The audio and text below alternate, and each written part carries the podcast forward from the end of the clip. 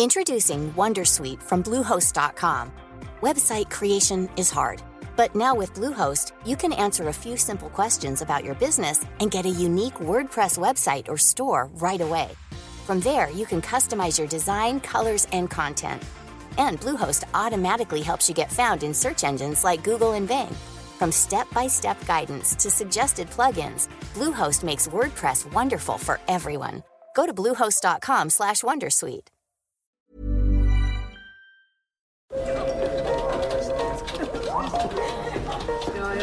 Dette er lyden av norsk næringsliv. Akkurat nå tas det små og store valg som kan bli avgjørende for fremtiden. Med økonomisystemet X-Leger tas disse beslutningene basert på informasjon i sanntid, slik at drømmer og ambisjoner kan bli virkelighet. Få kontroll og oversikt, gå inn på xledger.no. Denne sendingen er sponset av Xleger.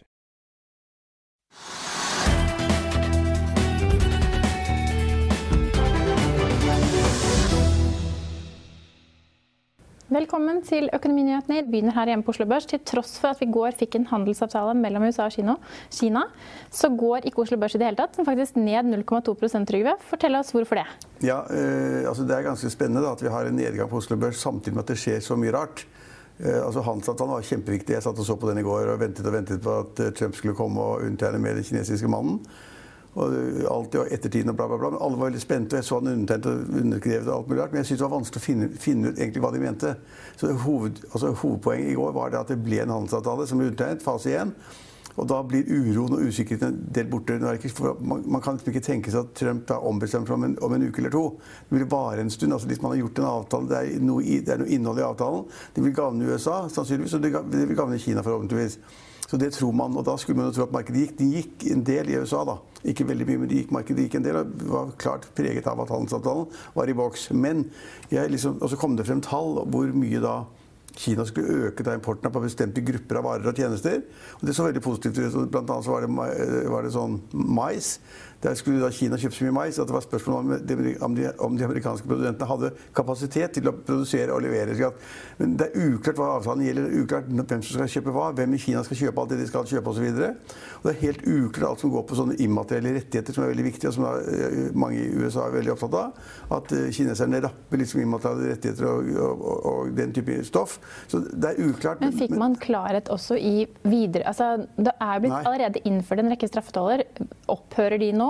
eller, eller, blir de videreført? For mange mener at Donald Trump nå har gjort USA helt avhengig av inntektene fra disse ekstraordinære straffetollene, og han, og han skal stille til valg i november. Ja, Det kom ikke klart frem liksom, da, om de tollene som var innført, om alle besto, skulle fjernes helt, eller skulle komme nye osv. Så, så det var uklart. Altså, jeg prøvde å følge med i flere timer. Det var uklart, så Poenget er at det var positivt. De amerikanske børsene gikk. Man kunne da, som du var inne på, til å begynne med, vente da at Oslo Børs gikk veldig opp fordi de amerikanske børsene går, og fordi det er bedre for verden, og veksten holdes oppe, høyere vekst, og tjener selskapene mer, og alt er bedre. Men slik er det ikke. Selv om jeg nå ser at de amerikanske børsene er opp samtidig, opp samtidig med oss. Rekordnoteringer for Dow Jones, ja. SMP 500 og ja, Nasdaq? Det er nye rekordnoteringer. Vi har ikke det på Oslo Børs, for Oslo Børs var da, som du begynte med, litt ned. Så, men det, handelsavtalen har da åpenbart ikke påvirket investorene på Oslo Børs så mye at man fikk en oppgang i, i markedene som man hadde i USA i går, og som man har akkurat nå mens vi sitter her nå. Men hva med oljeprisen? Vi er jo ned eh, ca. en dollar fra du og jeg hadde sending sist. I går sto den i akkurat samme kurs, eh, holdt jeg på å si nå. 64 dollar per fat. 64,2 dollar brent. Ja, så, ja, så oljeprisen påvirker ikke Oslo Børs, men oljeaksjene våre, altså da Equinor og Aker BP, er litt opp allikevel, rundt 1 men det er helt uvesentlig, fordi alle ser at oljeprisen ligger på samme nivå. Og nå er da usikkerheten, usikkerheten om nye krigshandlinger i Iran eller Irak er liksom borte. Ikke helt borte, men er iallfall dempet noe. Så påvirker, Oljeprisen har da ikke gått, den ligger på samme nivå. Det påvirker ikke markedet annet enn det den også sa, om at det ser ut som da Equinor og Aker BP kanskje er noe positivt opp, fordi da oljeprisen da ikke har sunket mer, kanskje. Det er vanskelig å si. Men vi har jo da i dag eh, andre ting som på en måte man kunne kanskje tro at det ville påvirke Oslo Børs generelt, slik at man fikk en oppgang i andre aksjer som ikke har noe med de som skulle gå opp å gjøre, f.eks. da Rex Silikon som da er vinner opp 50-60% Og Vet du hvor mye aksjen har steget siden altså hittil i januar? Over 70% og akkurat nå er den faktisk opp hele 63% Trygve. Ja, og det, men Poenget med den aksjen er jo at det er et lite selskap. Men, men, vi har snakket mye om det fordi at det er uh, grønn energi og det er grønne ting og det er solpanel og hva det måtte være.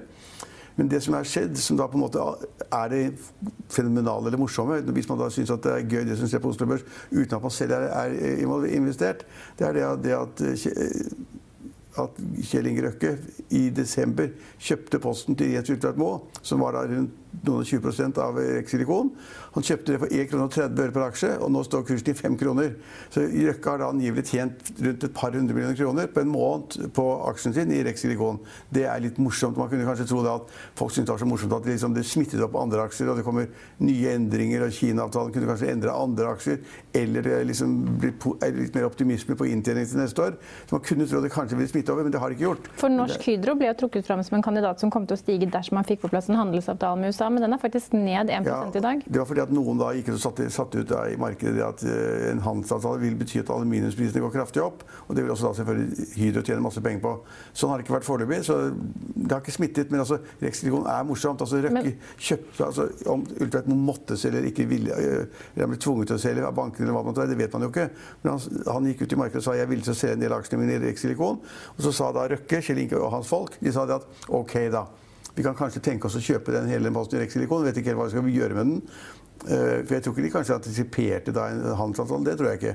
Men, men at det var et... Men, men, så, okay, men, da vil vi ha hele posten, og vi vil betale 1,30 kr per aksje.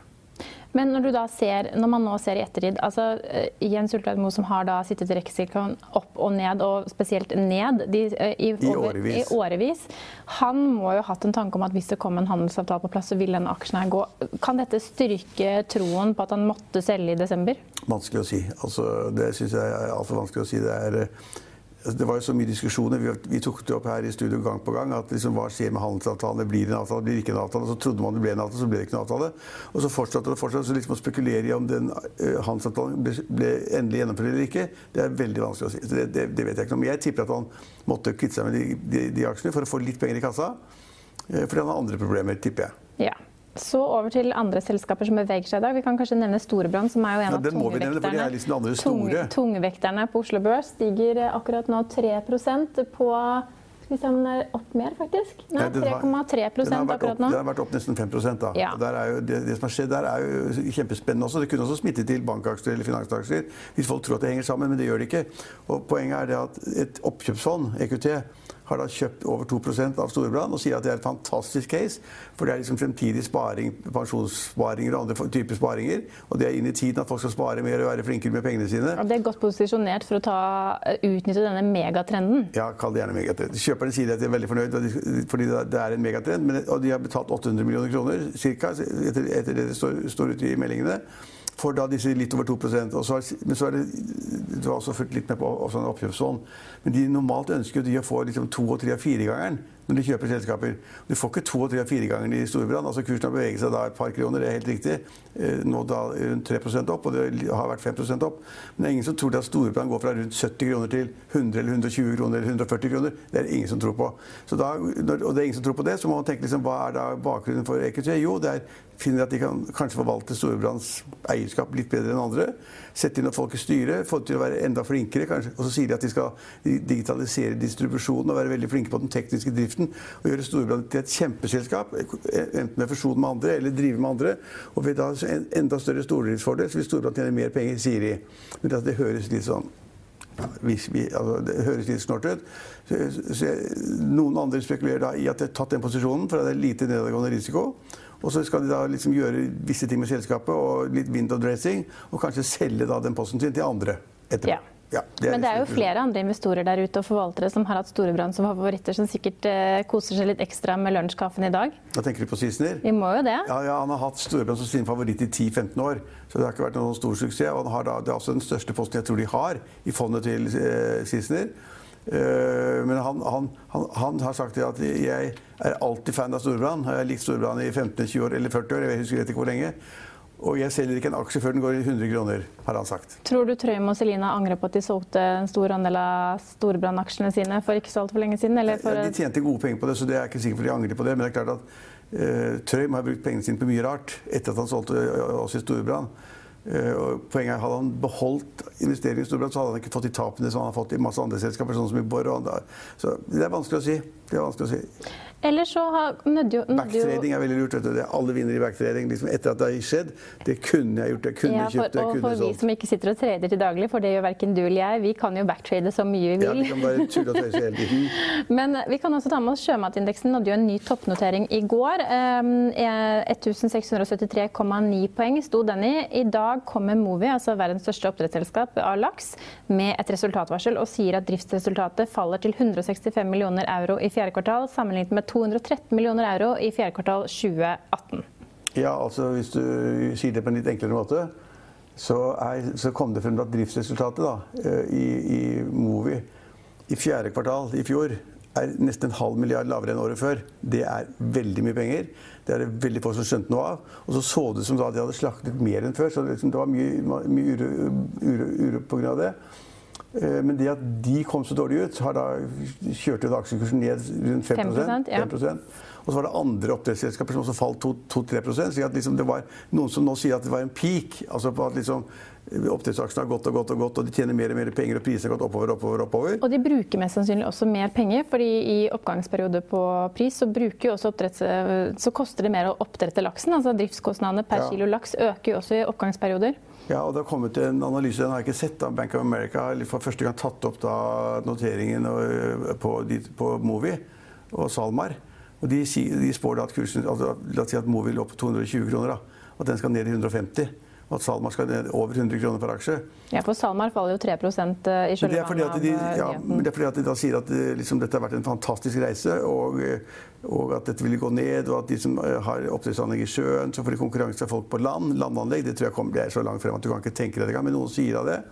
Og Derfor så har det fått litt press på oppdrettsaksjen i dag, som da skyldes da det konkrete tilfellet at Movi sier at de skal da få opp driftssiden tjene 500 millioner mindre. Det er ille. Og så er det noen som sier at det er liksom nye skatteregler. Vi har snakket om det mange ganger. at denne Grunnrentebeskatningen som da noen skal tvinge gjennom, den ser ikke ut som den kommer med denne regjeringen som er nå, men altså skatteregime, konkurranse fra landanlegg, vi har alt dette med fisk og øh, vanskelighetene med sykdommer og hva det måtte være. slik Det er en sånn liten stopp på oppdrett akkurat i dag. Ja. Der det ikke stopper, er vel for uh, Bjørn Lunde Gjelsten sitt KID. Ja. De kom jo med et positivt resultatvarsel i går, hvor aksjen satte en ny høyeste sluttkurs. Ja, altså Bjørn Lund Jensen er jo en kremer av rang. altså Barndomsvenn av Kjell Inge Røkke uh, fra Molde. Og han gjør åpenbart en rekke ting hele tiden og er flink. Og driver stort inn eiendom, som det er sikkert uh, nesten risikofritt å gjøre de riktige tingene og ha riktige, riktige prosjektene. Og så har han vært flink på detaljhandel også. Og Kid kjøpte han da fra det var, det var Konk, vet jeg ikke, men det gikk iallfall veldig dårlig. Og DNB hadde overtatt liksom kontrollen i selskapet og solgte den da til selskapet til Gjeldsten, inkludert gjeld. Så han fikk da med seg masse gjeld, og så betalte han sikkert noen hundre millioner kroner, kroner for egenkapitalen. Og så har han solgt ut noen av aksjene. slik at han liksom, og han har nettet seg ut, det vet jeg ikke. og liksom dekket kostprisen, det er jeg ikke sikker på. Men han har da 30-40 av selskapet i dag, og det går rett oppover, som du sier. De er veldig flinke. Ja, så Gjelsen er flinke. Ny høyeste sluttkurs i går og fortsetter altså opp i dag, og er opp 5 eh, akkurat nå. Ja, men det, Poenget er at han er flink til, å, flink til å finne selskaper. Man kan være god kremer og kjøper og selger. Uh, kjøpe bil og selge dyrt. Det er ikke så verre enn det. Bør ikke gå på skolen for å få til det. Og så ansette riktige mennesker til å jobbe for seg. Men av ting som nå kommer til å prege markedet fremover Vi har fått mer ro i Midtøsten. Tilsynelatende har ting ordnet seg der. Donald Trump har inngått en førstefase av handelsavtalen med Kina. Hva er det som nå kan bli skummelt eh, på kort eller mellomkort sikt? Nei, skummelt, altså det som er skummelt, er hvis det, den, hvis det blir konflikten mellom Iran og USA liksom blusser opp igjen og at det blir nye trefninger mellom Iran og amerikanske styrker i Irak. altså Hvis de sender raketter mot amerikanske styrker i Irak, så er det full rulle igjen. Og det kan jo skje. Ingen kjenner regimet i Iran. Ingen vet hvordan øh, den sivile befolkningen i Iran på en måte vil opponere mot regimet, fordi de mener at det ikke er bra, eller at de vil ha mer frihet, eller hva det måtte være.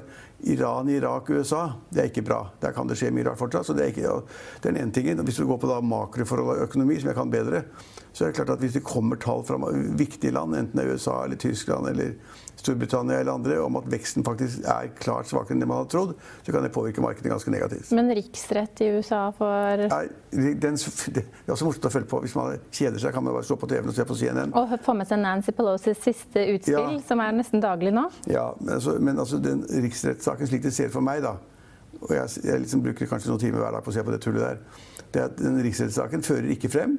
Det er republikanerne som har kontroll i Senatet. Du må ha to tredjedels flertall i Senatet for å få dømt en president fra embetet. Det får ikke til. Så da må det skje noe helt sensasjonelt de siste dagene. Nå skal jo kanskje saken begynne allerede førstkommende tirsdag. Så jeg tror det ikke betyr noe som helst tvert imot. Så er det at Hvis han da blir frikjent, og det blir han med 99,9 sikkerhet, da blir han ikke fradømt, fradømt embetet, men han fortsetter som president og går inn i valgkampen. Og Det kan være det at han da på en måte har lagt det bak seg, og demokratene har feilet ved å prøve å felle ham da på det, et rettslig grunnlag istedenfor et politisk grunnlag. Og Da kan det faktisk gi ham flere stemmer ved valget enn han hadde før. Ja. Vi er tilbake i morgen klokken 13.30. Da har vi med oss investor Bård Schumann i studio. Følg med oss igjen da.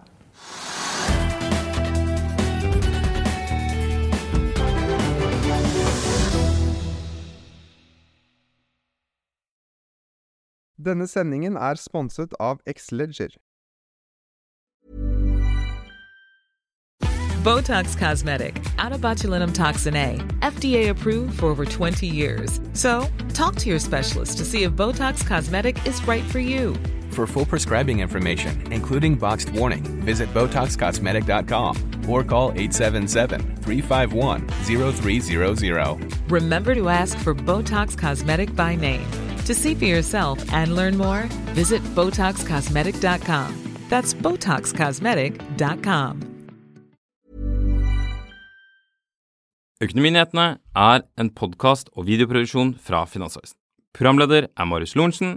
Aksjekommentator er Karl Johan Molnes. Produsent er Bashar Johar. Podkast- og videoansvarlig er Marius Mørk Larsen. Og ansvarlig redaktør er Trygve Hegnar.